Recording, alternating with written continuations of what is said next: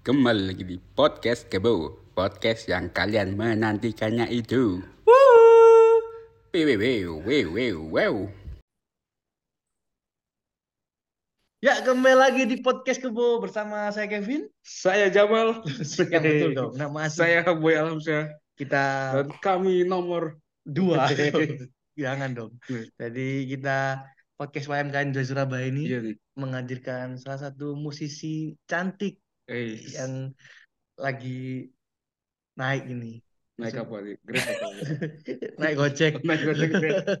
Nah, itu sudah keluar ketawanya ini. Iya itu. Berarti cantik banget ini. berarti, berarti cantik banget. Orang just dari suara ya. Sekarang Langsung saja kita present, kita sambut Kak Karina Kristi. halo. Yeay. Halo. Hai guys. Hai. Kak. Halo. Oke, gimana Kak sehat? Ini kalian ada nama pendengarnya gitu nggak sih? Kayak panggilannya siapa gitu? ada nggak? Antara dua kita. Apa itu? Yang pertama Kebo Sugar, yang kedua Kebo Licious.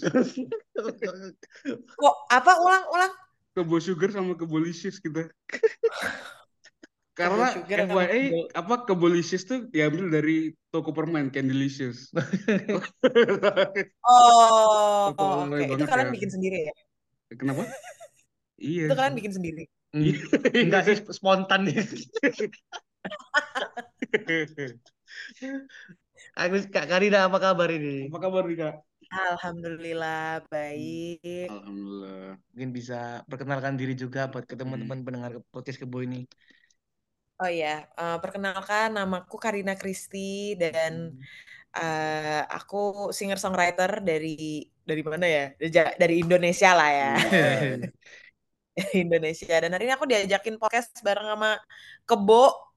Nah, Eh, Jadi Juga. kalian kan Surabaya kan ya? Surabaya. Iya, Surabaya. Berarti iso bahasa Jawa. Iso, Loh, bisa iso. Kak Karina bisa bahasa Jawa ini. Iya, tapi aku Semarang. Semarang. Oh, Semarang. Oh, ndak oh. Oh, gitu berarti. Oh, dai Nah, gitu. gitu. Lah, berarti ini di Semarang apa di Jakarta sekarang nih? Nah, tapi sekarang aku udah di Jakarta stay-nya. Ah. Oke. Oke deh, Kak. Kita langsung ke pertanyaan pertama yang boleh nih ya. Boleh. Kalau boleh tahu nih Kak, awal mula suka tertarik ke musik ini mulai kapan sih? Kalian ini kayak kayak ini ya, kayak radio-radio interview. Ya, gitu. Radio. Maunya sih kayak gitu Kak. Cuman budget budget UMKM sih. Kayak terlalu kasihan sih sebenarnya gitu. Ya kalau kalau pertanyaannya gitu sebenarnya kalau suka nyanyinya dulu kali ya. Nyanyinya Iya. tuh sebenarnya Hmm. udah dari kecil sih. Udah dari umur 10 tahun. Hmm. Eh, cuma emang malah sebenarnya dulu pas kecil tuh aku nggak ada cita-cita mau jadi penyanyi atau bahkan berkecimpung di dunia musik at all. Jadi pas kecil tuh malah SMA lah, SMP SMA tuh sebenarnya cita-citaku adalah mau jadi diplomat waktu itu. Uh, keren loh. Cuma kebetulan nggak ketompo UGM HI, jadi kayak Waduh, ya UGM ya. ditolak sih. ditolak. Terus sampai akhirnya karena itu akhirnya em, awal mula masuk ke industrinya sebenarnya juga karena Indonesian Idol sih tahun 2012 Hmm. gitu. Tahun berapa Di itu? tahun berapa tuh Kak? Itu tahun 2012 aku angkatannya Regina sama Sayan kalau kalian tahu. Oh, Regina sama Oh, Sian. Regina. Kita sempet juga di Mm-mm. Idol sih Kak, yang U23 tadi. Itu bukan Indonesian Idol Thomas. Bukan. Ayah. Indonesian Idol SMP. SMP. Baru masih SMP, Bu. Indonesian Idol gimana? Nah, terus setelah dari Indonesian Idol tuh Kak? Nah, eh, apa namanya? Aku sambil utut nggak apa ya? Oh, enggak apa-apa, Nggak enggak Santai apa-apa. juga. Apa. Eh, apa namanya? Nah, dari Indonesian Idol itu kebetulan kan aku tereliminasi ya, cuma sampai Iya. 15 besar. Terus sempet kayak eh, ada momen-momen di mana star syndrome gitu loh. Kayak ngerti Oh, tak? iya. Kayak Iya. kayak eh, tiba-tiba Kayak gitu. semua orang jadi kenal gitu waktu itu. Tapi walaupun di Semarang tok ya. Hmm. Cuma waktu aku balik ke Semarang tuh semua orang tuh jadi seakan-akan jadi kayak kenal aku semua. Terus jadi kayak rada wah, rada tinggi gitu sampai akhirnya Karina, Karina gitu gitu. manggung Hmm. manggung tuh aku minta riders makarun bayang no Waduh, waduh, waduh. Harus. sangar gak kan Hmm. Ngeri lu. terus Eh, abis dari situ aku udah gak dapet panggung lagi. Ya. Mungkin mintanya ultra bisa. Iya mungkin. Ultra Iya, vokalis. makanya nah itu tuh 2012 Praktikal. lah, 2012 terus kayak itu tuh nggak ngeluarin lagu apa-apa sampai akhirnya aku naik eh, join band. Oh, Hmm. apa itu Kak? Nama bandnya? bandnya apa tuh? Kak? Dulu ngeband namanya Asta dan kita udah ngeluarin album waktu itu. Terus join label lah kita waktu itu. Nah, terus ya akhirnya ya seperti band-band lainnya bubar. Hmm.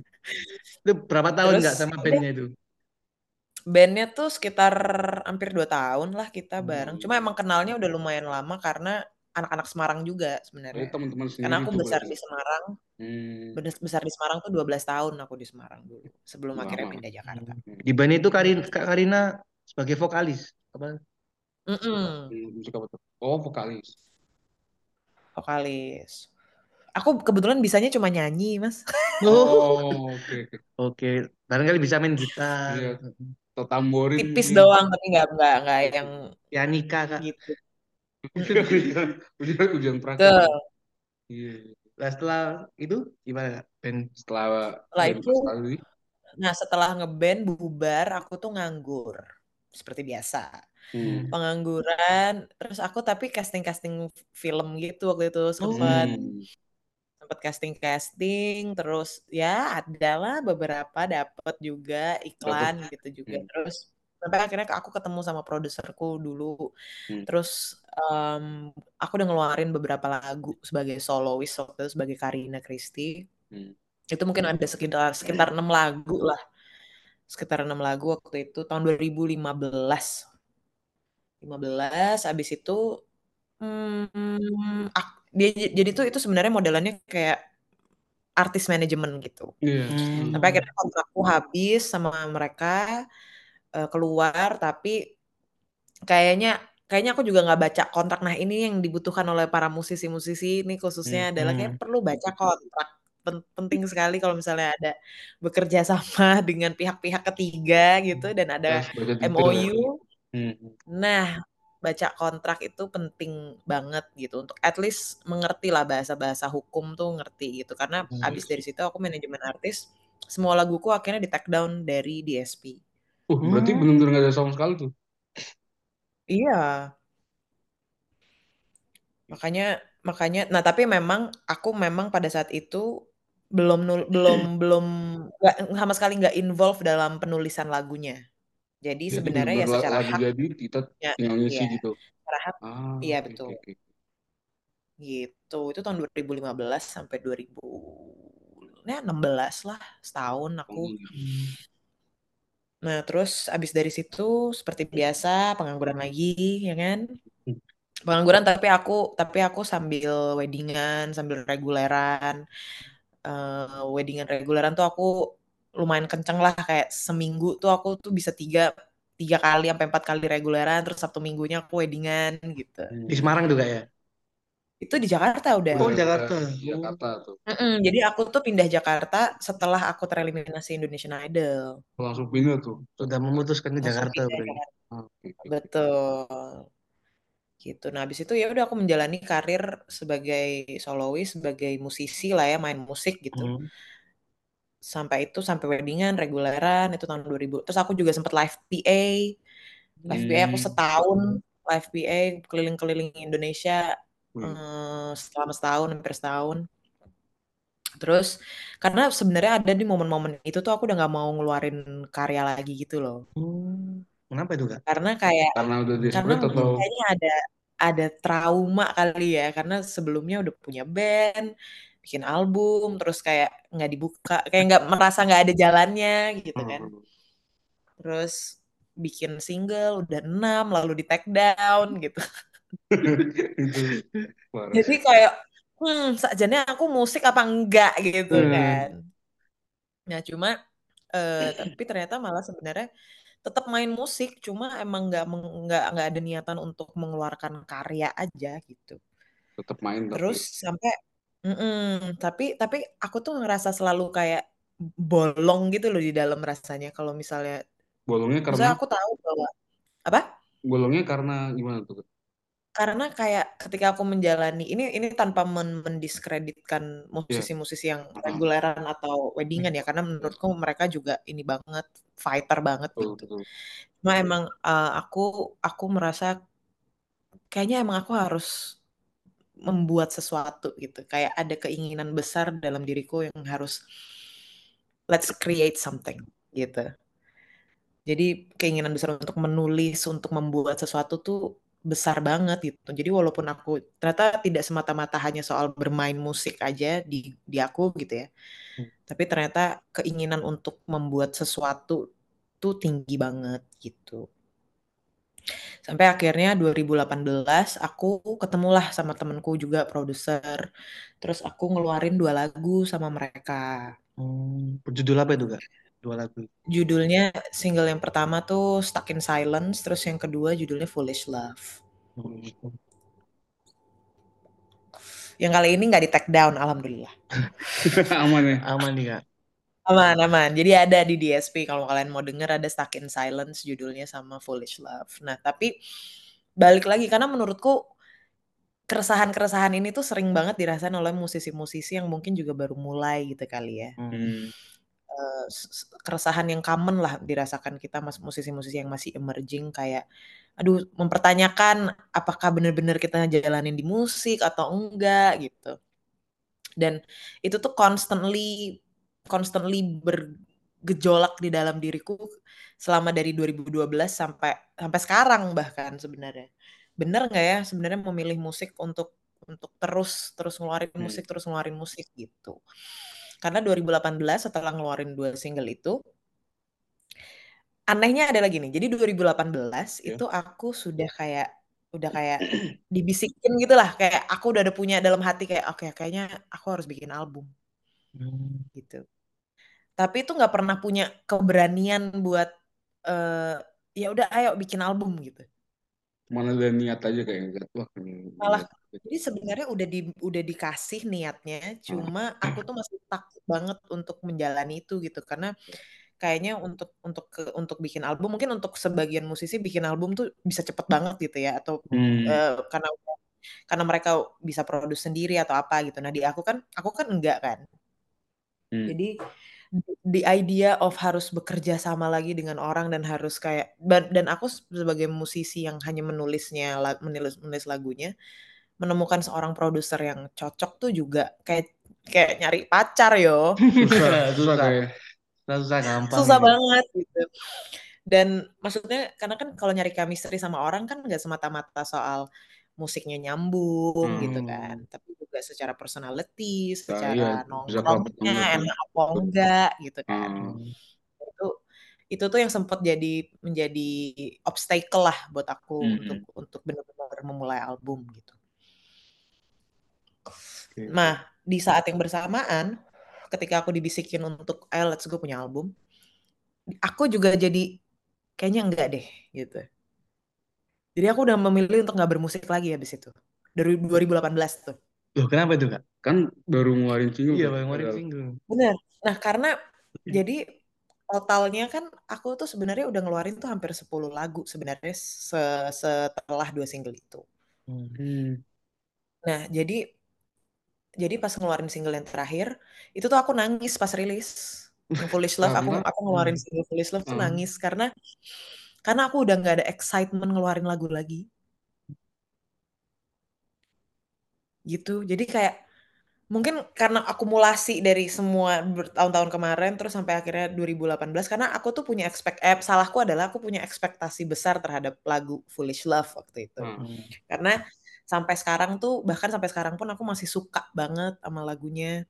Jadi mungkin karena karena hal itu jadi ekspektasinya naik kan dan Hmm. ketika dilempar udah bukan punya aku lagi udah dirilis ternyata ekspektasi eh, ternyata hasilnya tidak sebesar Yang kakak ekspektasiku bayangkan. Wow. Bener. Nah kayaknya itu yang bikin aku agak down terus memilih untuk ya udahlah mending gue ngantor aja dah daripada gue main musik gitu. Hmm. Terus akhirnya aku ngantor. Oh, sebenarnya. Ngantor.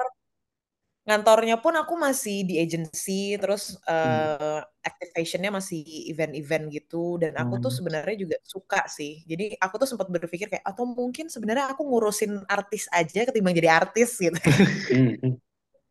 soalnya soalnya seru gitu kayak ngurusin artis ngurusin hospitality-nya Hmm. mereka ribet-ribetnya bikin event gitu ternyata aku tuh juga menyukai hal-hal itu gitu Hmm. tapi tapi ternyata 2020 kan covid Iya. Iya, Covid. 2020 covid terus kantorku tuh antara OTW OTW kukut gitu loh antara Hmm. Oh, udah tutup ya. OTW mau iya udah mau Kukut, tutup gitu kukut. Kayak kantor ini. Heeh. Eh, bahasa Surabaya ada kukut gak sih Ada. Oh, no. ada Oh, no, Kukut, Mbak. terus Oh, no. nah tapi kita tuh Semarang tok Terus terus gitu. eh habis itu eh di saat yang bersamaan Pamungkas nelpon Hmm. Untuk minta tolong jadi backing vokalnya dia waktu Hmm. itu gitu jadi ada banyak hal-hal yang kayak wah kok aku bisa balik musik menah ya gitu loh Hmm. Tiba-tiba keluar jalannya gitu ya. Mm-mm, kok dan dan pilihan untuk masuk ke musik lagi tuh nggak pernah bener-bener aku memilih untuk musik gitu loh Hmm. jadi pasti kayak pilihan. ada Heeh, jadi kayak ada sign sign dari luar gitu terus Panggilan alam ya. ngasih aku nah kayak gitu Oke, oke, oke. terus abis spam nelpon kantorku kukut langsung tutup Gitu. aneh banget kan Langsung gugut. Berarti memang langsung itu kukut rute ya jalannya langsung kayak, Jalannya kayak gitu. memang Iya. harus musik, musik dan musik. iya walaupun kayak aku kadang suka kayak asemi iso musik musik musik terus gitu Ya, gitu. tapi ternyata emang kata eh memang emang di ya ya ini mungkin rada cocok logi ya tapi Nah, tapi aku merasa kayaknya memang emang aku harus at least melakukannya dulu nyoba dulu untuk nah. ngejalanin ini bener-bener aku seriusin gitu supaya kalau misalnya ternyata emang nggak works ya setidaknya udah nyoba gitu Hmm. Itu kan nyoba dulu sih kak. Coba dulu berarti. Hasil mah belakangan. kata Tokopedia kan mulai aja dulu Nah, mulai aja dulu. Mulai aja dulu. Waduh, ah, Tokopedia nggak mau sponsor ini. Enggak. Kemarin mau sempat masuk gitu Hemaviton. Oh emang? Enggak ya? ini masuk Hema, Hema Viton Enggak, enggak. Belum, belum, belum. Barangkali. Siapa tahu kan Siapa tahu. kan pendengar kita kan pekerja-pekerja itu, Bro. pendengar kita ah, emang iya kan spekulasi kita, sih, ekspektasi kita sih kak. Hemaviton masuk tuh. Gila, Bro. Nah, setelah itu kak dari Pamungkas itu, dari Kak? Pamungkas nelfon tuh terus setelah itu dari Pamungkas.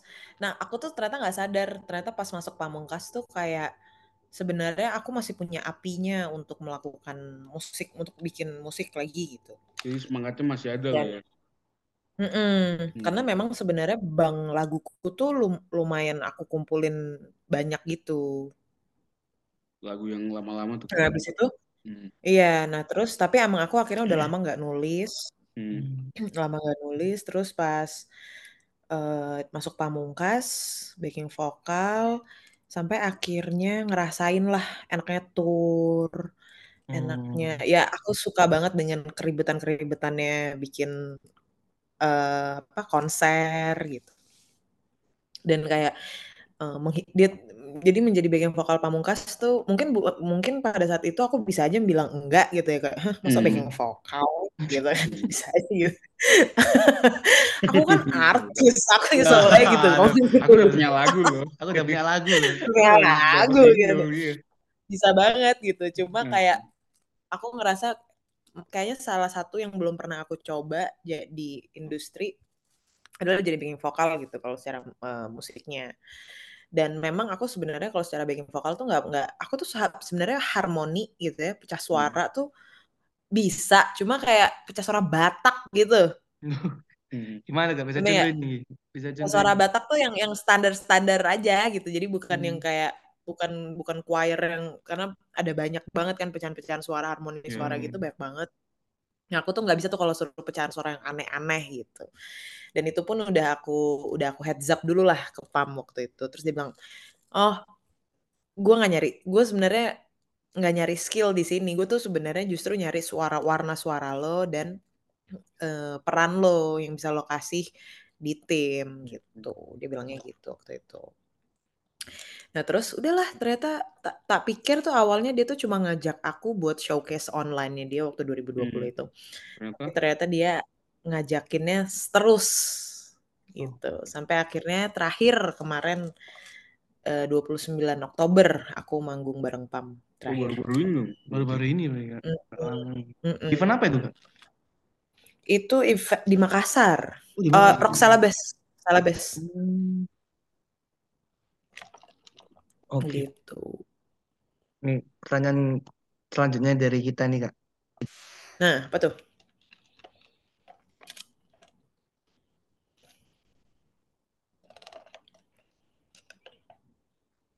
Kalau ini gak sih punya sosok yang ins- menginspirasi gak sih dalam bermusik?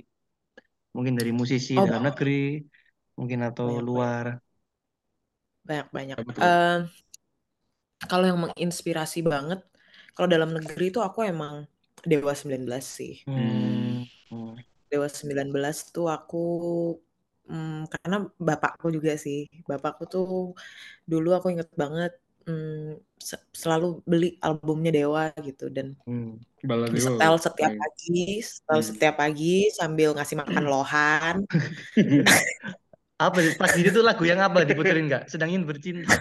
Waktu itu aku inget banget albumnya album bintang 5 memang Oh, iya, Separuh iya. Nafas, Baru nafas. Cemburu gitu-gitu. lohanku. Nah, itu kasih makan pelet ambil Iya. ngeliatin ambil ngasih makan ikan lohan gitu tiap pagi. Terus eh, sama jam kalau negeri al- dalam negeri itu Dewa, Jamrut, Hmm, Eh, Zamrud. Slang, Slang. terus aku mulai dengerin Chrisye lah pas mulai-mulai SD SMP gitu. SD SMP tuh Chrisye. Hmm. Terus kalau luar negeri, luar negeri sebenarnya mm, balik lagi sama kayak karena aku denger musik tuh pertama kali juga dari papa gitu ya, dari Hmm. dari apa yang papa dengerin dulu awal-awalnya. Hmm. Itu pasti klasik American rock sih. Hmm. Kayak Kayak Apa ya? kayak? Eagle Hmm. gitu. hmm. Eagle terus Bon Jovi udah pasti. Wajib lah itu. Iya itu wajib. Terus em, Scorpion waktu itu. Scorpion. Mm-mm. Eh, inspirasi Pak. Nah dari situ tuh sebenarnya emang aku tuh punya soft spot gitu ya untuk untuk rock tuh menurutku kayak jadi di aku tuh lumayan membekas gitu Hmm. karena jadinya jadi versatile dan itu kayaknya baru pengaruh ke ke jenis suaraku juga ternyata Hmm. dari sekarang dengerin dari mereka itu ya. Mm-mm. Terus udah mulai-mulai rada tua ya, teenagers lah ya gitu. Aku dengerinnya emo, Emo. punk, Pang. ya. Park Paramore tuh udah paling best di zaman itu. Parah. Avenged Sevenfold juga aku suka Oh. banget gitu. Nyekrim berarti. ya. Karena dulu, karena dulu kan festival-festival band kan. Hmm. Festival band kan naik nggak lagu bendera, ya kan? Hmm. lagu bendera lah, lagu Niji lah waktu itu juga gitu. Jadi kalau disuruh lagu bebas tuh dulu tuh pasti aku sama anak-anak bandku milihnya lagu Avenged Sevenfold Hmm. Yang apa itu kak? Yang Biasanya apa? Avenged yang apa? yang eh, Nightmare. yang biasa yang Nightmare udah pasti, Hmm. terus Hmm. Afterlife udah pasti, Pasti. terus uh, Beast Harlot, aduh apa? ya? Iya Beast Harlot, Beast kok lupa sih? Ah, little, Harlot Harlot itu a little piece of heaven. Enggak. bukan, ntar tak cari ya Avenged Sevenfold.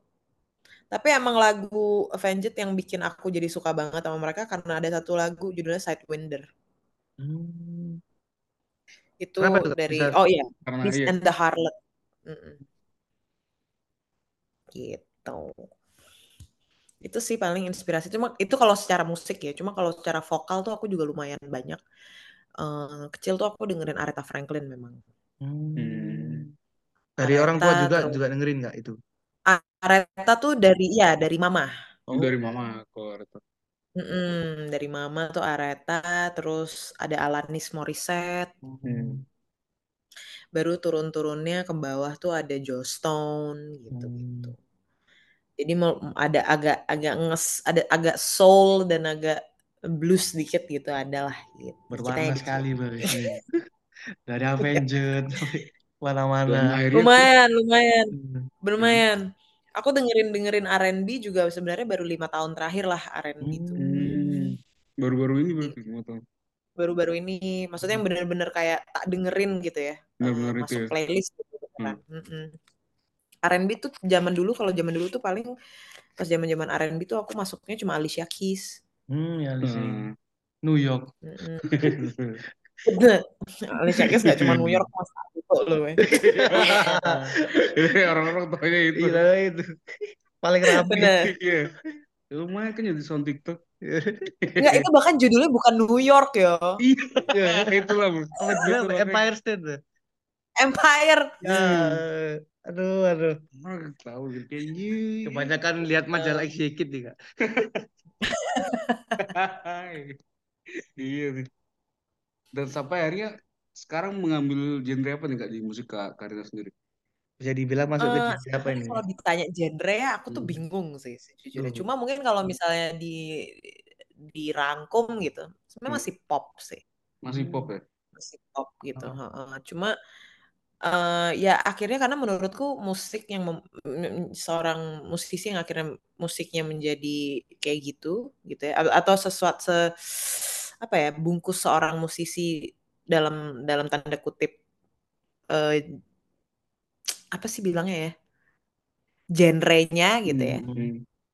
dan yang membuat musisi menjadi otentik gitu menurutku adalah karena justru akumulasi dari semua lagu-lagu yang udah didengerin dari kecil sampai sekarang gitu. Jadi makanya kalau misalnya ditanya genre, aku biasanya pasti in general jawabnya pasti pop gitu. Mm-mm. Walaupun mungkin covernya mungkin ada ya mungkin ada rocknya sedikit, mungkin ada R&B-nya sedikit, ada bluesnya sedikit Hmm. gitu. Tapi sebenarnya itu akumulasi dari semua dan aku dengerinnya memang rata-rata juga memang pop-pop gitu, maksudnya pop pada zaman itu gitu. Gitu. Nah, kalau dalam single-single yang pernah rilis nih kak, kalau penulisan Hmm. lagu itu berdasarkan dari pengalaman pribadi mungkin atau Atau dari pengalaman orang mungkin. hmm, mungkin relate dengan something. Eh, banyak kalau inspirasi Hmm. Ada ada beberapa yang memang dari pengalamanku ada juga orang lain tapi emang Hmm. mostly pengalamanku sendiri sih gitu dan hmm, aku sih ada satu lagu yang akan rilis nih besok tanggal 17 di album Hmm. judulnya Dylan Heeh, judulnya Dylan. Nah Dylan ini sebenarnya terinspirasi dari ada salah satu influencer namanya Dylan Sada kalau kalian tahu. Dan pada tahun 2018 itu aku nulis lagu itu sebenarnya tahun 2018 di di tahun itu tuh eh, si influencer ini dia speak up lah tentang dia menjadi korban abuse dari pacarnya waktu itu. Hmm. Nah terus nggak lama dari itu akhirnya eh, almarhumah meninggal. Hmm. Karena kekerasan Gitu. gitu. Nah sebenarnya aku karena karena kan aku nggak kenal personal kan. Ah. Hmm. Jadi aku nggak bener-bener pasti tahu meninggalnya karena apa, tapi kalau kayak dari berita-berita yang beredar kayaknya memang ya namanya menjadi korban abusive kan secara mental Kita- juga ini Kena banget ya. kan gitu. Hmm. Iya gitu dan dan kalau dari ya dari berita-berita yang beredar kayaknya karena memang secara mentally dia udah nggak kuat gitu. Tapi balik lagi aku bener-bener nggak tahu karena aku nggak kenal personal. Karena pas aku baca baca apa postnya dia karena dia ngepost gitu di Instagram aku langsung kayak reflecting aduh banyak banget ya ternyata sebenarnya orang-orang di sekitarku pun yang me- mengalami hal tersebut gitu Hmm. dan dia mungkin dalam konteksnya dia dia udah physical abuse terus mentally abuse gitu yang sementara di sekitarku physical abuse alhamdulillah nggak nggak banyak gitu Hmm. cuma mentally abuse tuh lumayan banyak dan itu menurutku jauh lebih lebih parah gitu damage-nya karena itu kan nggak kelihatan ya kalau mentally kan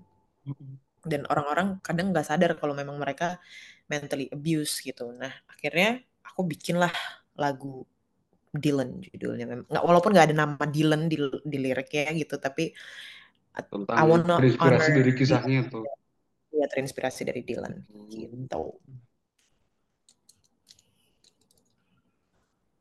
Apa lagi? Terus kan aku nih pertama kali, ini jujur aja ini aku kan pertama kali nemu musik karena yang Can Escape tuh. Iya. Yeah. Terus aku dengerin tuh. Lah itu kalau boleh tahu tentang apa sih kak?